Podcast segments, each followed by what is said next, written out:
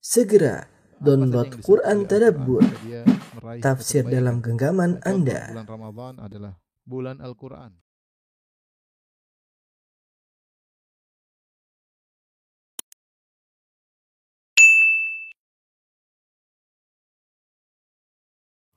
Bismillahirrahmanirrahim. Assalamualaikum warahmatullahi wabarakatuh.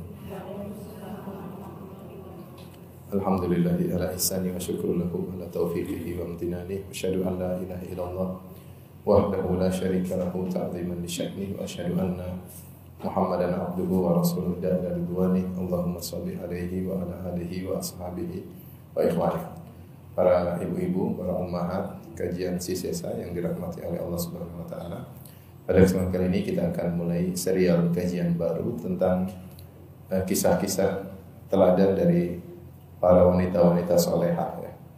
Insya Allah kita akan menyampaikan secara serial ya. Ini adalah eh, sesi yang pertama ya.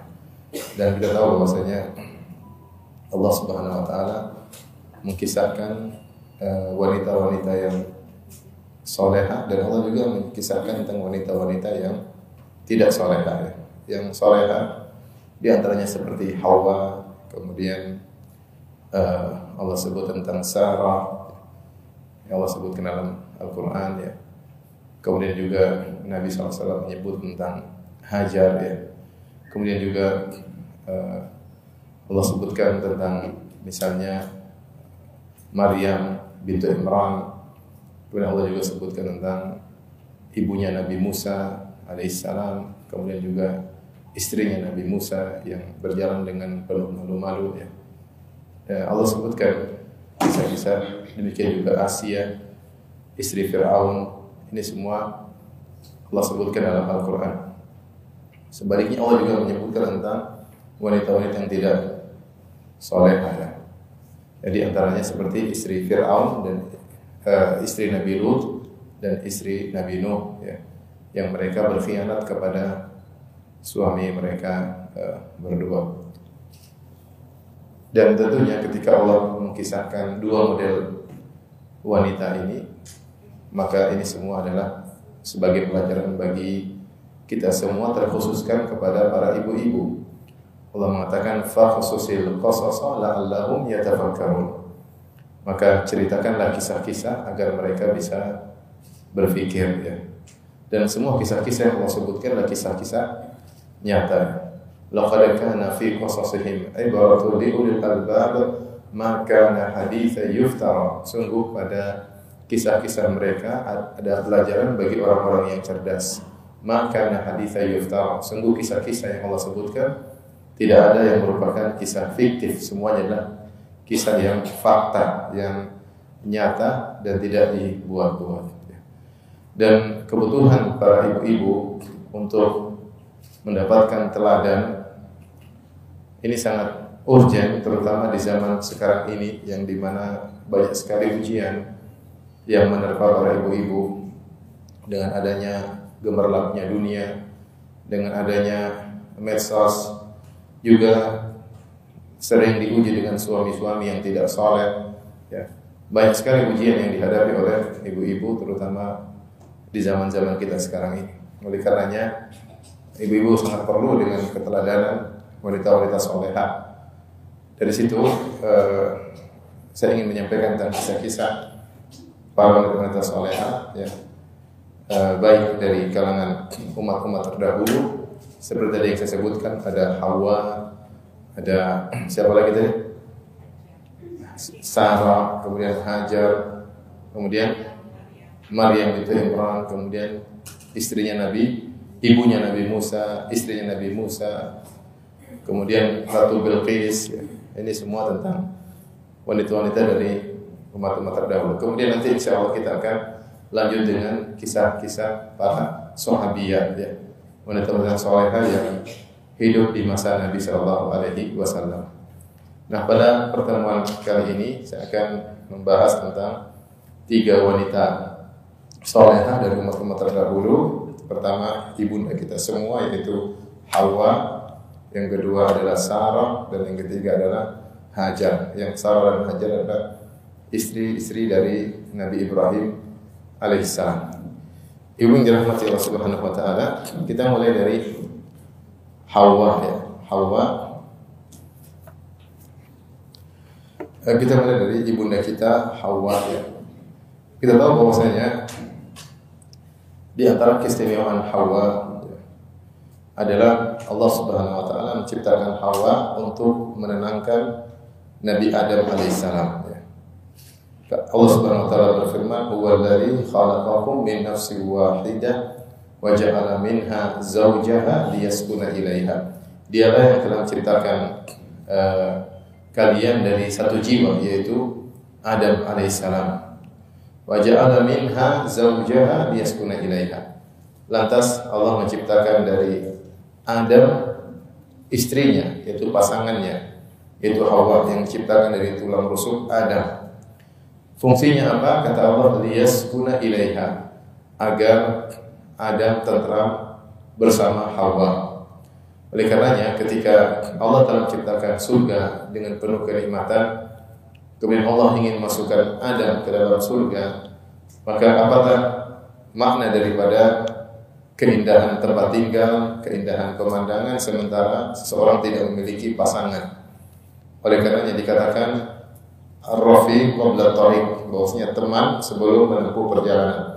Dari situlah kemudian Allah menciptakan Hawa untuk menemani Adam tinggal di dalam surga. Ya. Maka Allah Subhanahu Wa Taala setelah menciptakan Hawa, Allah berkata, wa qulna ya Adam uskun anta wa zawjuka jannata wa kula minha rafadan haitsu syi'tuma. Maka kami berkata wahai Adam, tinggallah engkau bersama istrimu di surga. Ya. Tinggallah engkau bersama istrimu di surga. Jadi Allah menciptakan Hawa sebelum Adam masuk apa? surga. Tinggallah engkau dan istrimu di surga wa kula minha rawadan haitsu syi'tuma. Dan makanlah kalian berdua sesuka kalian dari buah-buahan makanan-makanan yang ada di surga ya. Wala taqrabu hadhihi syajarata fatakuna minadh zalimin. Namun ingat janganlah kalian berdua mendekati pohon ini maka kalian berdua akan termasuk orang-orang yang berdosa, orang-orang yang zalim. Maka Allah pun menciptakan Hawa dan Hawa menjalankan tugasnya sebagai istri yang baik kemudian menemani Adam dalam kenikmatan dan juga dalam kepayahan ya. Maka Hawa pun tinggal bersama Adam dan Adam pun merasa tentram dengan Hawa sampai akhirnya takdir Allah ya. Karena memang Allah ingin menurunkan Adam dan Hawa ke atas muka bumi maka keduanya digoda oleh syaitan, iblis. Dan dalam ayat-ayat dalam Al-Qur'an yang pertama kali digoda, yang fokus digoda adalah Adam ya. Makanya Allah berfirman, "Fawaswasa ilaihi syaitanu qala ya Adam, hal adulluka ala syajaratil khuldi wa mulkin la yabla." Maka syaitan pun membisikkan kepada Adam dan berkata, "Wahai Adam, maukah aku tunjukkan kepada engkau sebuah pohon keabadian. Ya, artinya kalau kau makan kau akan abadi dan kau akan peroleh kau akan peroleh kerajaan yang uh, tidak akan sirna. Akhirnya Adam pun makan dan dia makan bersama istrinya. Fa'akala minha. Adam dan Hawa pun makan dari uh, pohon tersebut. Akhirnya mereka pun bermaksiat kepada Allah Subhanahu wa taala dan akhirnya Allah menegur mereka dan akhirnya mereka bertobat. Kata Allah, "Fatalaqa Adamu min rabbih kalimatin fataba alaih." Adam pun menerima kata-kata uh, dari Allah. Ketika Adam berdosa, dia bingung apa yang harus dia ucapkan untuk bertobat kepada Allah karena ini baru pertama kali dia berdosa. Tidak tahu bagaimana cara mohon ampun kepada Allah Subhanahu wa taala. Maka Allah turunkan doa untuk bertobat kepada Allah diterima oleh Adam dan Adam pun mengucapkan doa tersebut dan Adam mengucapkannya bersama Hawa. Qala Allah sebut dalam surat Al-A'raf, qala Rabbana zalamna anfusana wa illam taghfir lana wa tarhamna lanakunanna minal khasirin. Mereka berkata, Adam dan Hawa, Rabbana zalamna, ya Rabb kami, sungguhnya kami telah menzalimi diri kami. Wa illam taghfir lana wa tarhamna. Kalau engkau tidak mengampuni kami dan tidak merahmati kami, lanakunanna minal khasirin. Sungguh kami akan termasuk orang-orang yang merugi. Akhirnya keduanya pun diturunkan ke bumi dan tetap Adam hidup tentram bersama istrinya Hawa ya. Yang menjadi teladan bagi kita dalam kisah Hawa adalah bagaimana Hawa menjadi istri yang soleha yang menenteramkan apa suaminya dalam kesenangan maupun dalam kesulitan ya. Ketika di surga Hawa setia menemani Adam karena memang Allah menciptakan Hawa untuk menenteramkan Adam demikian juga ketika di atas muka bumi Hawa juga menenteramkan Adam alaihissalam dalam hidup kehidupan yang susah setelah sebelumnya mereka merasakan kenikmatan yang luar biasa yang tanpa batas di surga. Dari sini ini pelajaran bagi kita, terutama bagi ibu-ibu, hendaknya menjalankan fungsi yang paling utama dalam kehidupan di atas muka bumi ini adalah untuk menenteramkan suami ya. Istri berusaha mencari keridhaan suami dalam dalam kondisi lapang maupun dalam kondisi uh, susah payah. Karena kita tahu bahwasanya kondisi keluarga, kondisi ekonomi keluarga tidak senantiasa stabil. Ya, memang ada yang kaya terus, belum lahir sudah kaya, masih dalam kandungan sudah kaya. Bapak ibunya kaya, udah keluar kaya sampai mati kaya ada. Tapi tidak semua orang seperti itu ya. Jadi tidak semuanya orang seperti itu. Sebagian besar ekonomi naik naik turun. Dulunya miskin kemudian kaya, kemudian kaya stabil, kemudian meninggal. Ada yang dulunya kaya kemudian miskin. Ada yang dulunya miskin kemudian kaya, kemudian miskin lagi, kemudian kaya lagi, kemudian miskin lagi. Orang berbeda-beda. Maka uh, seorang wanita yang soleha tetap menenteramkan suaminya dalam kondisi uh, lapang maupun dalam kondisi sempit. Jangan menjadi wanita matre ya. Suami ada uang abang disayang, tidak ada uang abang dikemplang eh apa ditendang ya. Jangan ya. Ingat kebaikan-kebaikan perjuangan suami ya. Ketika dalam kondisi terjatuh, setelah dia berusaha, maka kita jadilah istri yang soleha menenangkan dirinya dalam kondisi lapang demikian juga dalam kondisi sulit. Justru dalam kondisi, kondisi sulit situlah suami sangat butuh dengan uh, peran istri ya. Siapa yang paling dekat dengan suami istrinya? Kalau istrinya bisa menenangkan uh, suaminya, ya maka dia akan bisa kuat menghadapi uh, problematika kehidupannya. Saya selalu ingat perkataan teman saya, dia bilang, "Ustaz, saya ini kalau di rumah semua orang maki-maki, tapi kalau pulang disenyumin istri, kayaknya hilang semuanya. Apa namanya? Uh, penat kehidupannya. Pokoknya pulang, istri senyum, selesai urusan. Tapi percuma di luar, dipuji-puji orang, sampai rumah, dimaki-maki istri, percuma. Rasanya hidup ini tidak ada maknanya ya. Oleh karenanya, para istri harus ingat bahwasanya senyuman anti-anti itu sangat berharga bagi apa? Suami. Jangan pelit senyuman ya. Jangan pelit apa? Senyuman. Jangan hanya pintar senyum kalau sama teman. Kalau teman telepon, iya ukhti, kaifa haluki? Kalau sama suami, mas, mas, mas, mas, nah, jangan. Ya, kalau sama teman bisa bermanis-manis kata, bermanis-manis wajah, maka bagi suami lebih utama. Jangan lupa senyum sama saudara dapat pahala, apalagi senyum sama siapa? Sama siapa ibu? Sama suami. Ingat suami sendiri bukan suami orang lain ya. Karena sebagian wanita Masya Allah senyumnya manis sama suami orang, sama suami sendiri senyumnya manis tapi ada kecutnya. Tapi ada kecutnya. Tapi inilah uh, ya masing-masing introspeksi diri ya. Jangan lupa mencontohi apa Hawa uh, wanita yang setia menjadi penentram bagi suaminya Adam dalam kondisi lapang maupun dalam kondisi sulit ya, dalam kondisi sulit. Saya pernah didatangi seorang wanita. Ini suatu hal yang e, menyedihkan tapi dia dilema ya. Buah si malakama. Dia datang Ustaz, ada apa? Dia Suami saya sekarang kena gula, sakit-sakitan. Tidak bisa beri nafkah sama saya, nafkah lahir dan batin. Bolehkah saya minta cerai? Subhanallah ya. Ya, ya memang kalau secara hukum syar'i ya. Hukum syar'i kalau suami tidak lagi mampu untuk memenuhi tugasnya sebagai seorang suami memberi nafkah lahir dan batin, boleh saja seorang wanita minta cerai. Tapi saya bilang, apakah tidak lupa dengan pengorbanannya masa lalu ya? Apakah habis manis sepah dibuang ya? Eh, serba salah. Saya bilang kecuali kalau anti takut berzina ya. Tapi intinya eh, tidak semudah yang kita bayangkan. Ya. Artinya janganlah ya, kita harus mengenal kebaikan kebaikan masa lalu ya. La tansal jamil kata kalau kata orang Arab. Jangan lupa kebaikan masa masa lalu ya. Suami kadang waktunya dia naik, kadang waktunya dia terjatuh. Saatnya dia terjatuh maka harusnya seorang wanita menemaninya ya. Ini kasuistik tentunya tidak bisa kita umumkan jawabannya. Masing-masing punya jawaban tersendiri. Tapi ini contoh kondisi yang menyedihkan. Jangan sampai ketika suami dalam kondisi terpuruk malah kemudian ditinggal oleh istrinya. Kecuali suaminya pelaku maksiat, tidak sholat, minum khamar, narkoba itu lain cerita, lain cerita. Baik, kita lanjut pada wanita yang berikutnya yaitu Sarah kemudian Hajar. Eh, sebagaimana ibu-ibu telah ketahui bahwasanya Sarah dan Hajar adalah istri dari siapa? Dari Nabi Ibrahim alaihissalam.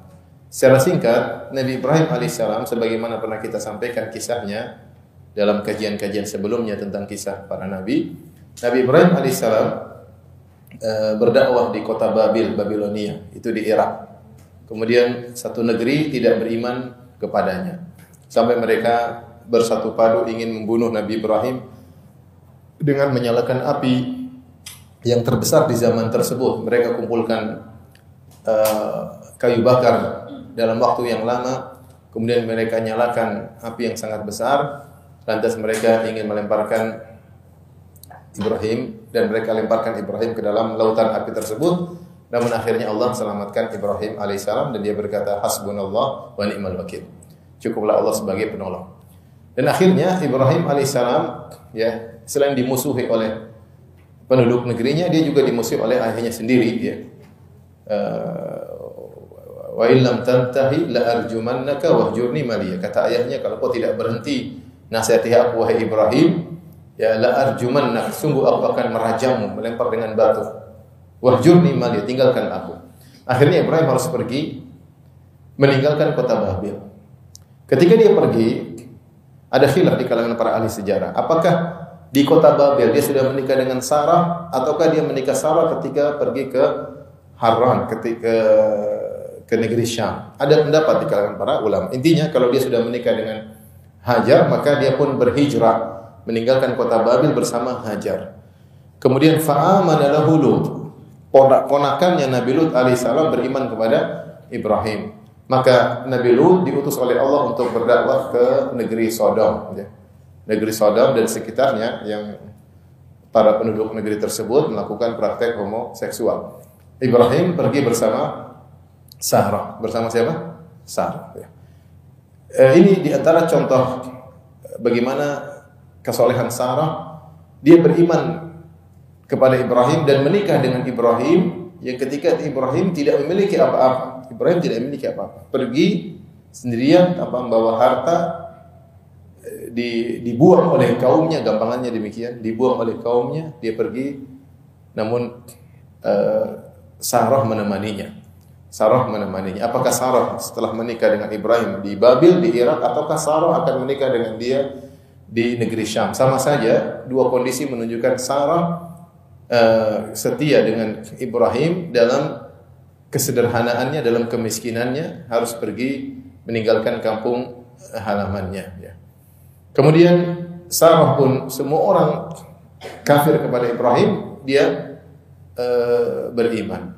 Sampai akhirnya ternyata di di Mesir pun eh, di negeri Syam eh, Nabi Ibrahim harus pergi juga meninggalkan negeri Syam untuk melewati kota Mesir ya.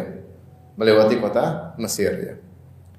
Eh, ketika melewati kota Mesir sebenarnya dalam Sahih Bukhari ternyata di Mesir ada rajanya yang disebut dengan Firaun Mesir bukan Fir'aun di zaman Nabi Musa alaihissalam ya. Semua pemimpin Mesir namanya, semua raja Mesir istilahnya Fir Fir'aun ya. Maka raja Mesir ini ternyata punya hobi mencari wanita yang cantik. Siapa pun ada wanita yang cantik lewat harus dilaporkan kepadanya. Dan Sarah wanita terkenal cantik jelita ya. Makanya yang mengatakan Sarah adalah wanita dari Syam menikah dengan Ibrahim dan wanita Syam terkenal wanita yang cantik-cantik yaitu daerah Lebanon, Palestina yaitu daerah wanita-wanita cantik-cantik dan melewati eh, kota Mesir. Akhirnya Ibrahim waspada akan hal tersebut, maka dia berkata kepada Sarah. Dia bilang, "Sarah, tidak ada yang beriman kepada Allah di atas bumi Mesir kecuali aku dan kamu." Kalau mereka bertanya kepada aku tentang siapa kamu, aku akan berkata, "Hadi ukhti." Fala tukadzibini, maka aku akan berkata, engkau adalah saudariku, maka jangan kau dustakan perkataanku. Aku tidak akan mengatakan kamu istriku. Kenapa? Kalau aku berkata kamu istriku, maka aku akan dibunuh. Tapi aku akan berkata kamu adalah saudariku, yaitu adikku atau kakakku. Karena kita sama-sama saudara seiman. Tidak ada yang beriman kecuali kita kita berdua. Ini diucapkan oleh Ibrahim agar selamat dari kekejaman Fir'aun Mesir tatkala itu. Akhirnya benar para mata-mata sang raja pun melapor kepada raja, wahai raja, telah lewat di negerimu seorang wanita yang sangat cantik jelita yang tidak bisa memilikinya kecuali tidak layak memilikinya kecuali engkau. Hanya engkau yang berhak memiliki wanita cantik tersebut. Akhirnya mereka bertanya kepada Ibrahim, ini siapa? Kata Ibrahim, hadi ukhti, inilah saudariku. Akhirnya Sarah pun dibawa menuju raja tersebut. Dalam hadis disebutkan Ibrahim pun salat berdoa kepada Allah Subhanahu wa taala. Ketika tiba di kamar sang raja atau di istana sang raja, maka sang raja pun tidak kuasa, dia segera ingin menggauli Sarah. Maka Sarah pun berdoa pada Allah agar diselamatkan. Ketika sang raja ingin mendekati Sarah, tiba-tiba kedua tangannya terbelenggu sehingga dia tidak bisa bergerak. Akhirnya dia berkata, "Wahai Sarah, berdoalah kepada Allah agar melepaskan belenggu kedua tanganku, niscaya aku tidak tidak akan menggodamu lagi. Maka Sarah pun berdoa, langsung dikabulkan seketika. Belenggu kedua tangan raja tersebut terlepas. Ketika tangannya bisa bergerak normal kembali, ternyata dia lebih berhasrat lagi. Maka dia pun menuju kepada Sarah, ingin menggauli Sarah. Ternyata kedua tangannya terbelenggu lagi, lebih dahsyat dari sebelumnya, lebih keras. Dan ini menunjukkan bagaimana solehanya Sarah. Ya Allah langsung mengabulkan apa? Doanya. E, terutama dalam kondisi terdesak. Kemudian ketika terbelenggu kedua kali lebih lebih keras maka raja berkata lagi wahai Sarah mintalah kepada Tuhanmu untuk melepaskan belenggu kedua tanganku. Aku tidak akan mengganggumu lagi. Udah tobat Sarah berdoa kemudian terlepas lagi ternyata dia tidak bertobat tambah semangat lagi untuk apa karena di depan dia wanita yang sangat cantik jelita yang mungkin matanya tidak pernah melihat ada wanita secantik tersebut maka dia pun ingin menggauli Sarah lagi untuk tiga kalinya. Ternyata Allah mengikat belenggu kedua tangannya lebih keras lagi daripada yang pertama dan kedua. Maka dia berkata, "Wahai Sarah, aku apa namanya? Taubat tidak lagi akan mengganggumu. Berdoalah agar Tuhanmu melepaskan belenggu kedua tangan." Akhirnya Sarah berdoa, akhirnya terlepaskan. Ya, maka Raja berkata, kalian wahai anak buahku, kalian tidak mendatangkan kepadaku wanita. Ini syaitan, tidak bisa diapa-apain. Akhirnya, fa'akhdamaha hajar. Maka raja tersebut memberi hadiah kepada Sarah pembantu, yaitu namanya ha, Hajar, nama Hajar. Dan akhirnya Sarah balik kepada suaminya dengan bawa seorang pembantu, Hajar, wanita dari Mesir, wanita dari Mesir. Kemudian hiduplah mereka bertiga di negeri uh, Palestina, negeri Syam. Kemudian berjalan dengan waktu bertahun-tahun ya. Disebutkan Ibrahim ketika keluar dari dari Irak, Babilonia menuju negeri Syam, dia masih muda. Makanya dalam Al-Quran dikatakan sami'na fatan yadhkuruhum yuqallahu Ibrahim. Siapa yang menghancurkan patung-patung kita? Innahu la minadh dhalimin, sungguh dia termasuk orang yang zalim. Mereka berkata, "Sami'na fatan yadhkuruhum." Kami pernah mendengar seorang pemuda yang menjelek-jelekan Tuhan kita. Yuqalu lahu Ibrahim. Namanya siapa? Ibrahim. Berarti Ibrahim ketika dibakar, kemudian di diusir, masih fatan, masih muda. Ya mungkin belasan tahun. Mungkin 16, mungkin 17, mungkin 18, mungkin 20. Kemudian dia menikah dengan siapa? Sarah. Kemudian dia tinggal di negeri Syam bersama Pembantunya siapa? Ha? Hajar. Dan disebut ke dalam sejarah Ibrahim baru punya anak setelah umur 80 tahun. Jadi dia hidup berumah tangga dengan Sarah kalau dia menikah taruhlah umur 20, sampai 80 berapa tahun berarti? 60 tahun. 60 tahun tidak punya tidak punya anak, tidak punya anak. Dan mereka hidup bertiga ya. Dan akhirnya Sarah disebutkan dalam uh, Qasasul Anbiya karya Ibnu Katsir rahimahullah taala Sarah akhirnya kasihan melihat suaminya yang uh, tidak punya anak. Dan suaminya tidak pernah menuntut ya Ibrahim tidak pernah menuntut. Dia menjalani kehidupan rumah tangga seperti biasa. Tapi ini inisiatif dari Sarah sendiri ya. Dia melihat suaminya suami yang soleh tidak insya Allah amanah ini seorang nabi Akhirnya dia menawarkan pembantunya untuk dinikahi oleh siapa? Suaminya. Tujuannya baik adalah agar suaminya punya punya anak ya. Akhirnya Ibrahim pun setuju, kemudian dia nikahi apa? Hajar.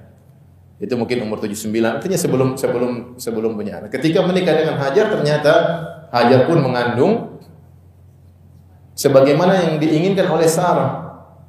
Nah, ketika Hajar mulai mengandung, memiliki sesuatu yang tidak dimiliki oleh Sarah, maka timbullah kecemburuan.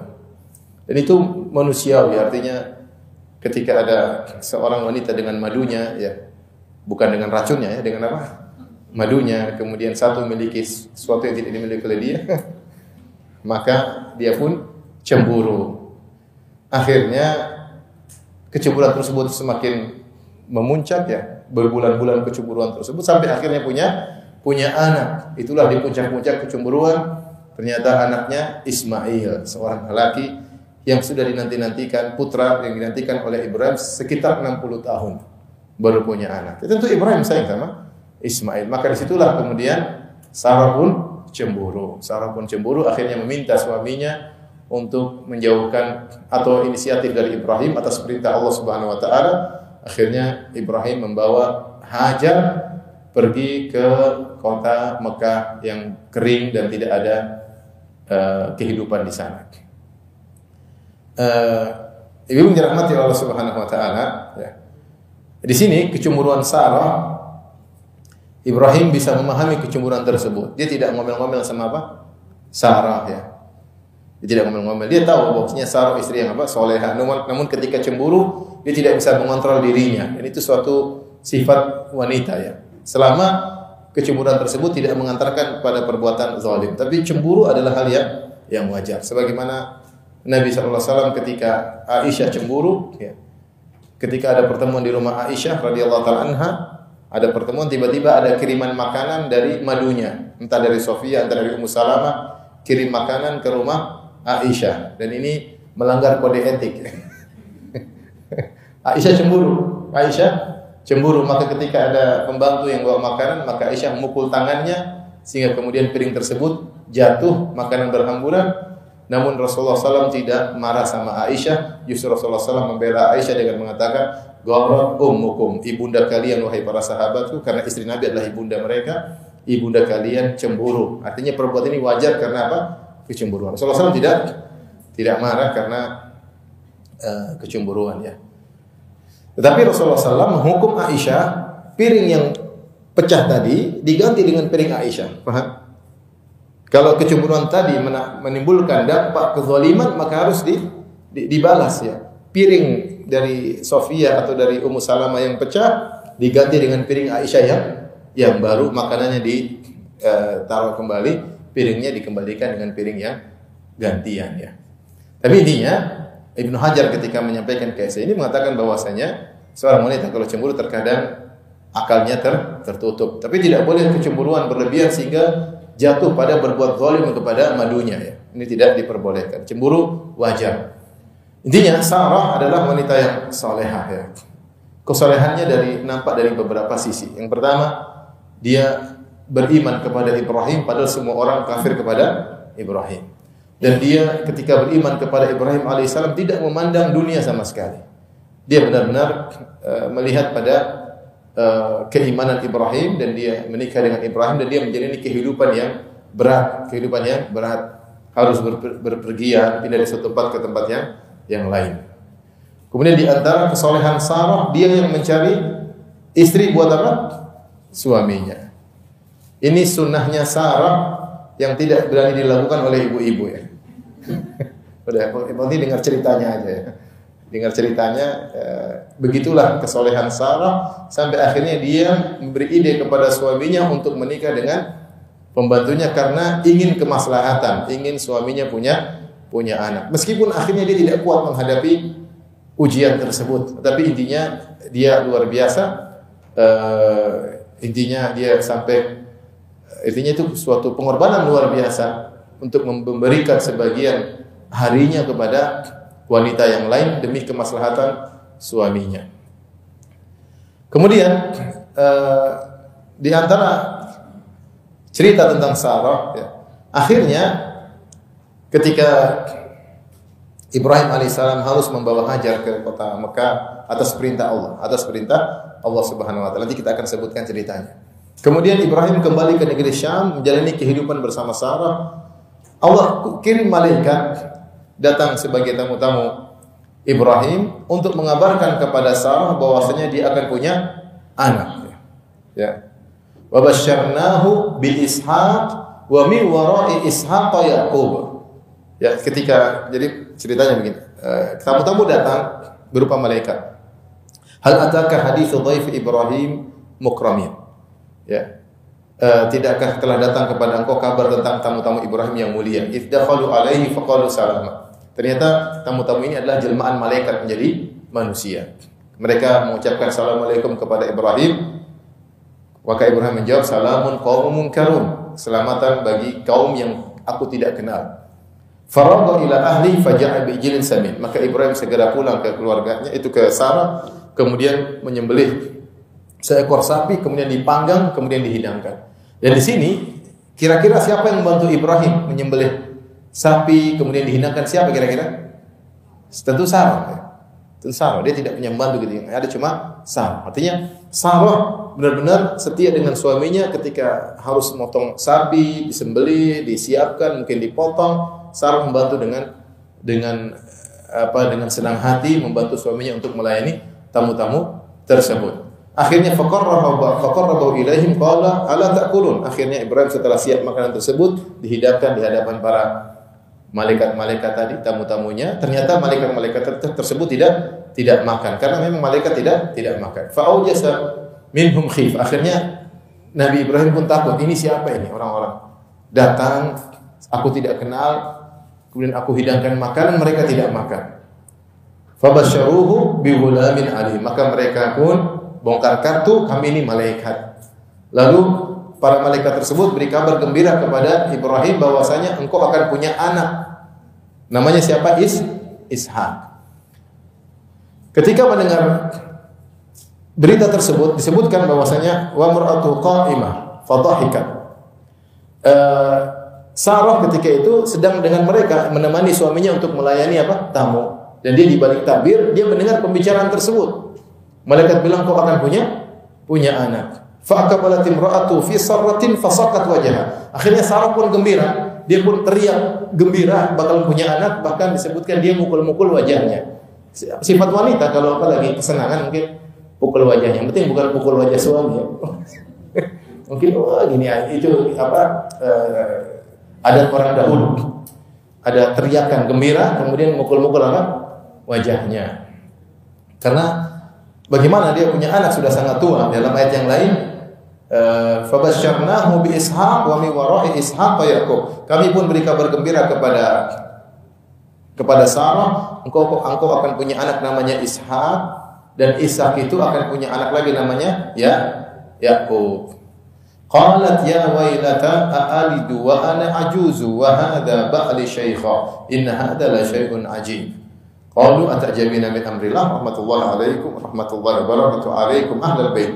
Akhirnya Sarah berkata, e, kok bisa aku punya anak sementara aku sudah tua dan suamiku juga sudah sudah tua. Maka malaikat berkata, "Atajabina min amrillah." Apakah kau heran dengan keputusan Allah? rahmat Allah dan keberkahannya akan menimpa kalian wahai ahlul bait. Akhirnya siapa namanya?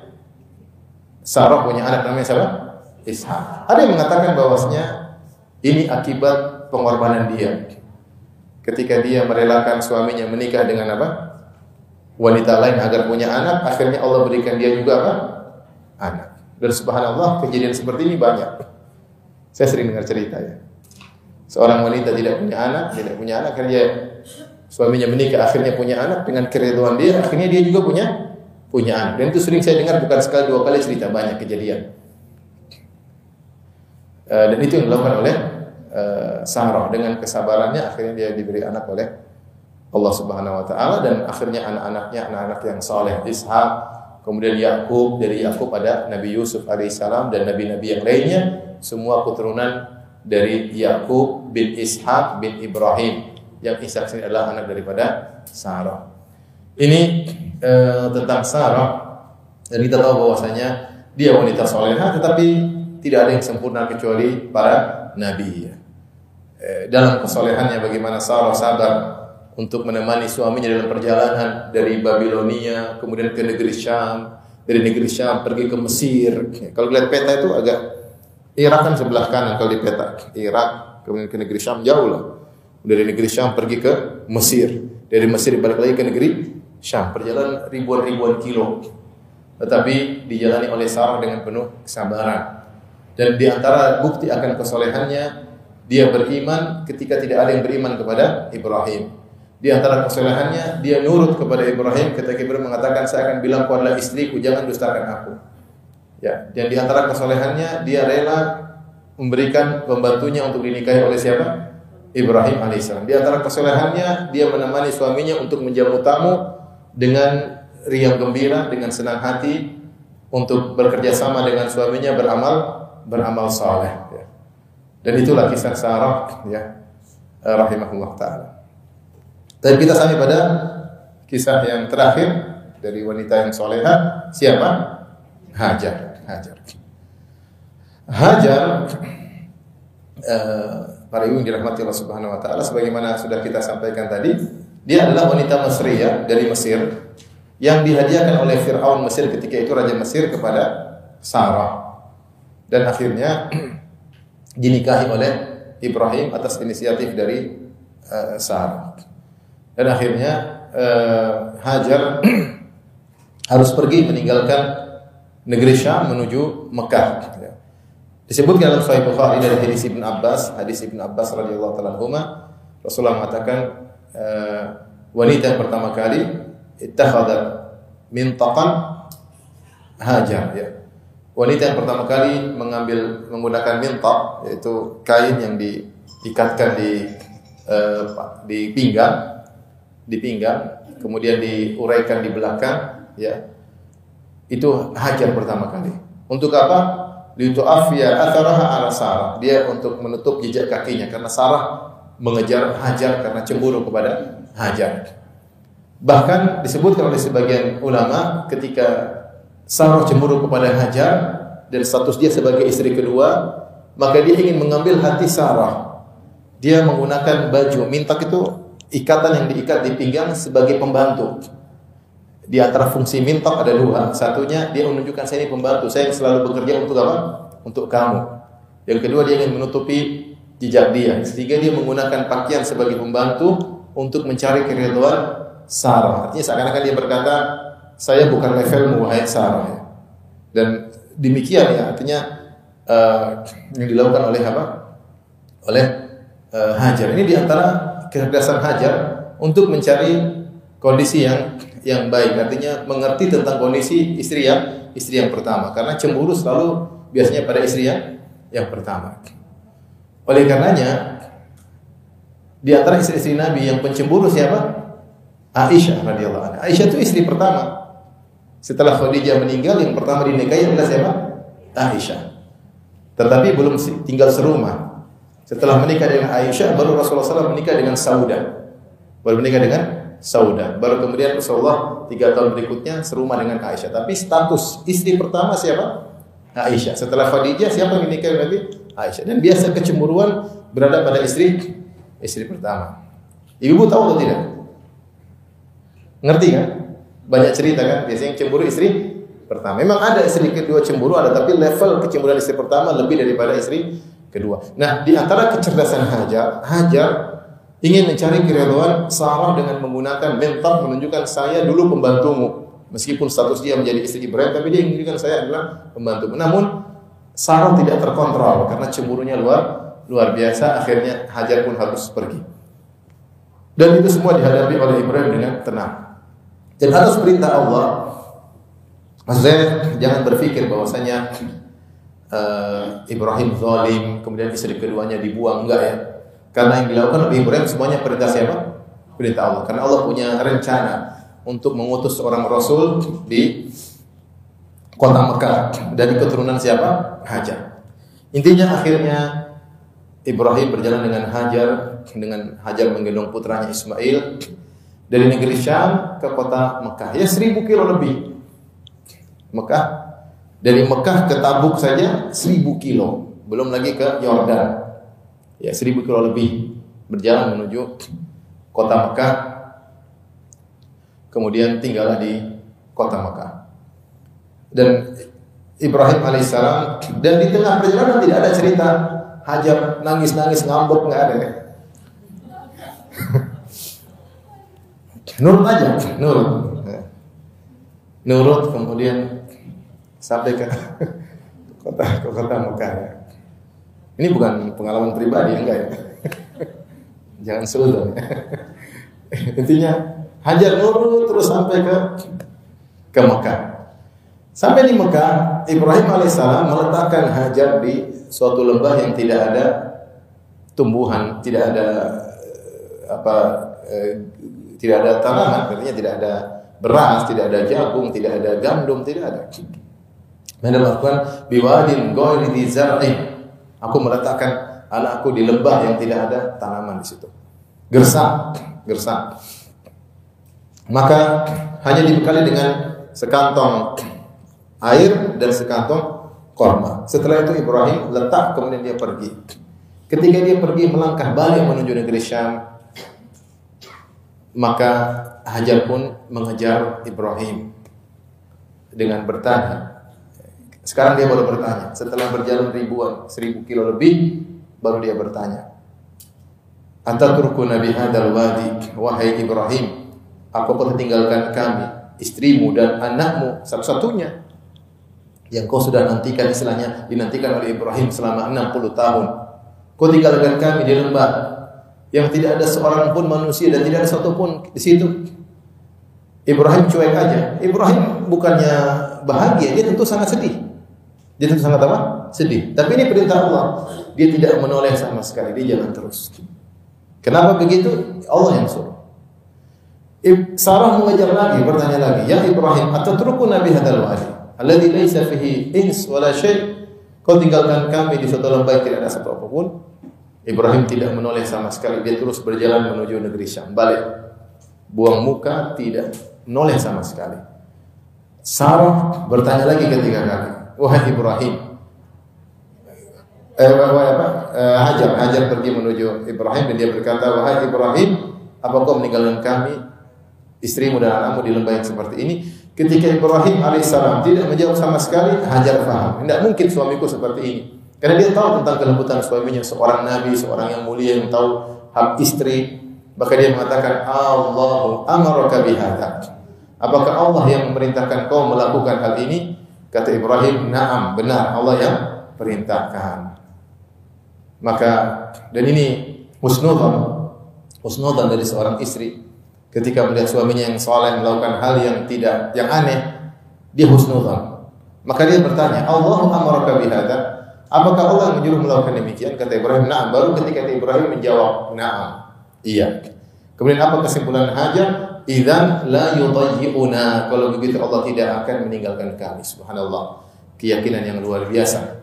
Kemudian Ibrahim pergi. Apakah Ibrahim tidak sedih? Ibrahim sedih. Tapi dia tidak noleh, jalan terus, jalan terus sampai dia tiba suatu taniyah, semacam bukit pasir yang agak tinggi, maka dia baru balik lihat anak istrinya, kemudian dia berdoa.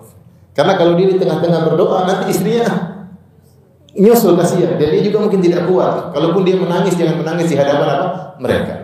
Maka dia berjalan jauh sampai di balik uh, saniyah tempat yang agak tinggi baru kemudian dia haitsu la yarawnahu ketika anak istrinya tidak melihat dia baru dia mengangkat kedua tangannya dan dia berdoa dengan doa-doa yang Allah abadikan dalam surat Ibrahim. Di antaranya Rabbana inni askantu min dzurriyyati biwadin ghairi dhi zar'in 'inda baitikal muharram Rabbana liyuqimus shalah faj'al afidatan minan nasi tahwi ilaihim warzuqhum minats thamarati la'allahum yashkurun.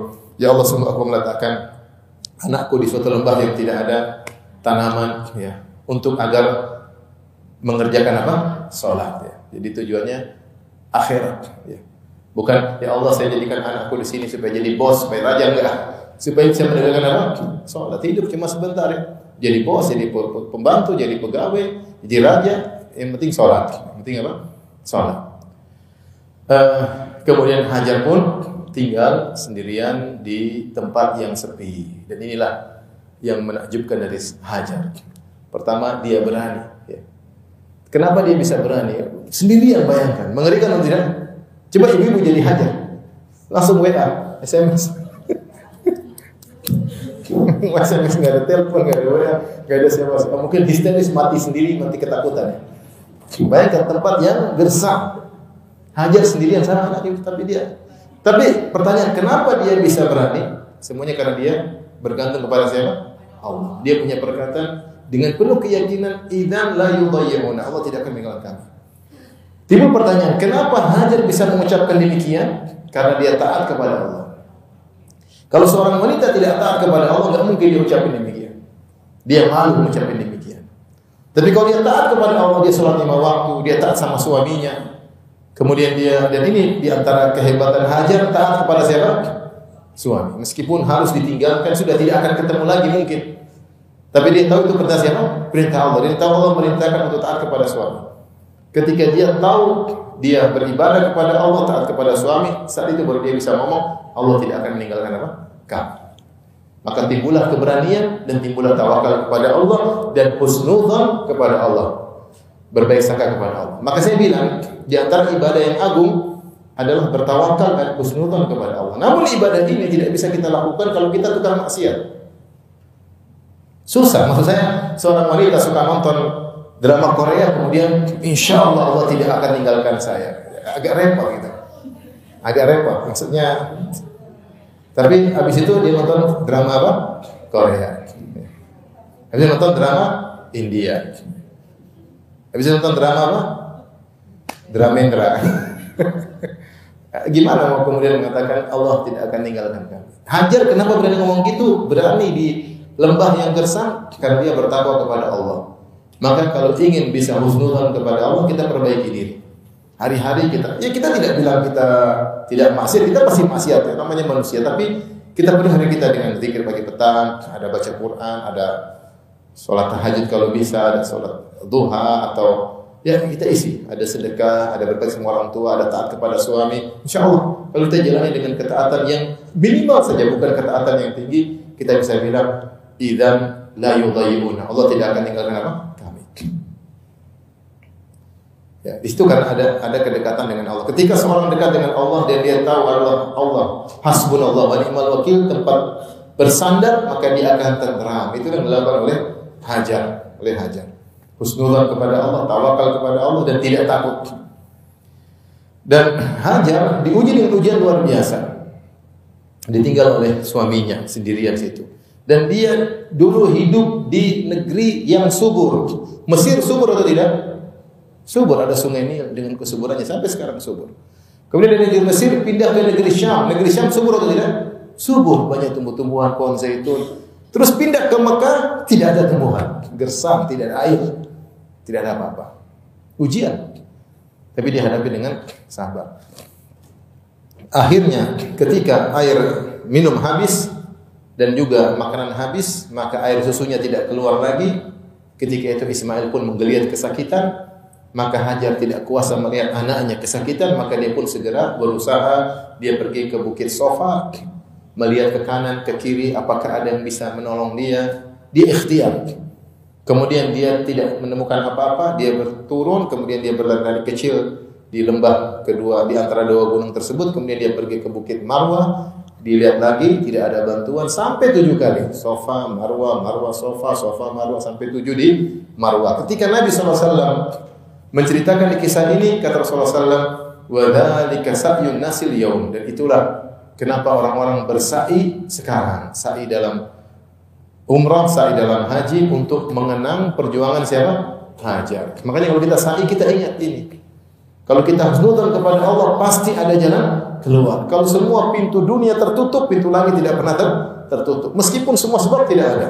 Hajar apa yang mau diharapkan? Suami nggak ada, lembah kosong, tidak ada air, tidak ada tanaman, tidak ada seorang pun, tapi dia tetap dengan pegangannya Allah tidak akan meninggalkan apa? Kami subhanallah. Dan dia berusaha. Yang penting usaha. Dan kita sering sampaikan namanya tawakal itu gabungan antara doa dengan apa? Ikh, ikhtiar usaha. Maka dia harus berusaha Allah lihat. Sampai ketiga, ketujuh baru dia mendengar sesuatu ternyata datang malaikat Jibril. Dan malaikat Jibril pun memukulkan kakinya atau sayapnya ke daerah dekat Ismail maka keluarlah air air Zam-Zam. Kemudian Hajar pun datang segera membendung air Zam-Zam tersebut. Akhirnya dia pun hidup dengan air Zam-Zam tanpa ada makanan, namun dia bisa sehat dan anaknya bisa sehat. Allah kasih makanan. Tidak lama kemudian Allah berikan bantuan lain, Allah berikan teman. Waktu dia meninggalkan Ibrahim meninggalkan dia bilang, "Ya Ibrahim, kau tinggalkan kami di lembah, tidak ada teman, tidak ada apa-apa. Tidak ada air." Allah berikan apa? Air. Allah berikan teman. Datanglah kabilah Jurhum dari Yaman melihat ada burung-burung berputar di atas air Zam-Zam. Kata mereka, kayaknya waktu kita lewat sini tidak ada air, kok bisa ada burung di situ? Pasti ada airnya. Jariyain, kemudian mereka utus dua orang untuk ngecek, ternyata benar ada air. Akhirnya mereka datang minta izin untuk tinggal di situ karena air adalah sumber kehidupan. Allah datangkan teman buat Hajar, tapi Hajar pintar. Dia mengatakan silakan tinggal bersama kami walakin la haqqalakum fil ma. Kalian tidak punya hak untuk menguasai air ini. Ini air punya saya. dia pintar mengatur ekonomi. Ini air punya saya, oke. Okay. Dia maksudnya boleh pakai air, tapi air punya punya saya. Ini maunya wanita harus cerdas, jangan duit banyak kemudian buang-buang di situ bengong. Kalau udah bengong suaminya yang pusing kan. Oleh karenanya kalau punya duit ya di, bukan pelit bukan, tapi diatur, di manage karena tidak selalu ekonomi suami baik. Dan ini di antara kecerdasan Hajar dia bilang boleh pakai air silakan, tapi ini air milik apa? Milik milik kami.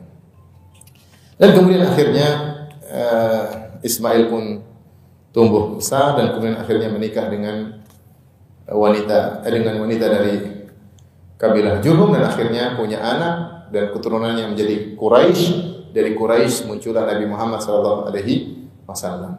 Inilah yang dirahmati Allah Subhanahu wa taala yang saya sampaikan pada kesempatan kali ini tentang tiga kisah wanita soleha, Hawa, Sarah dan Hajar. Insyaallah kita lanjutkan nanti pada kesempatan yang lain dengan kisah wanita-wanita soleha lainnya. Wallahu taala alam bisawab. Demikian saya Ibu, wabillahi taufiq Assalamualaikum warahmatullahi wabarakatuh.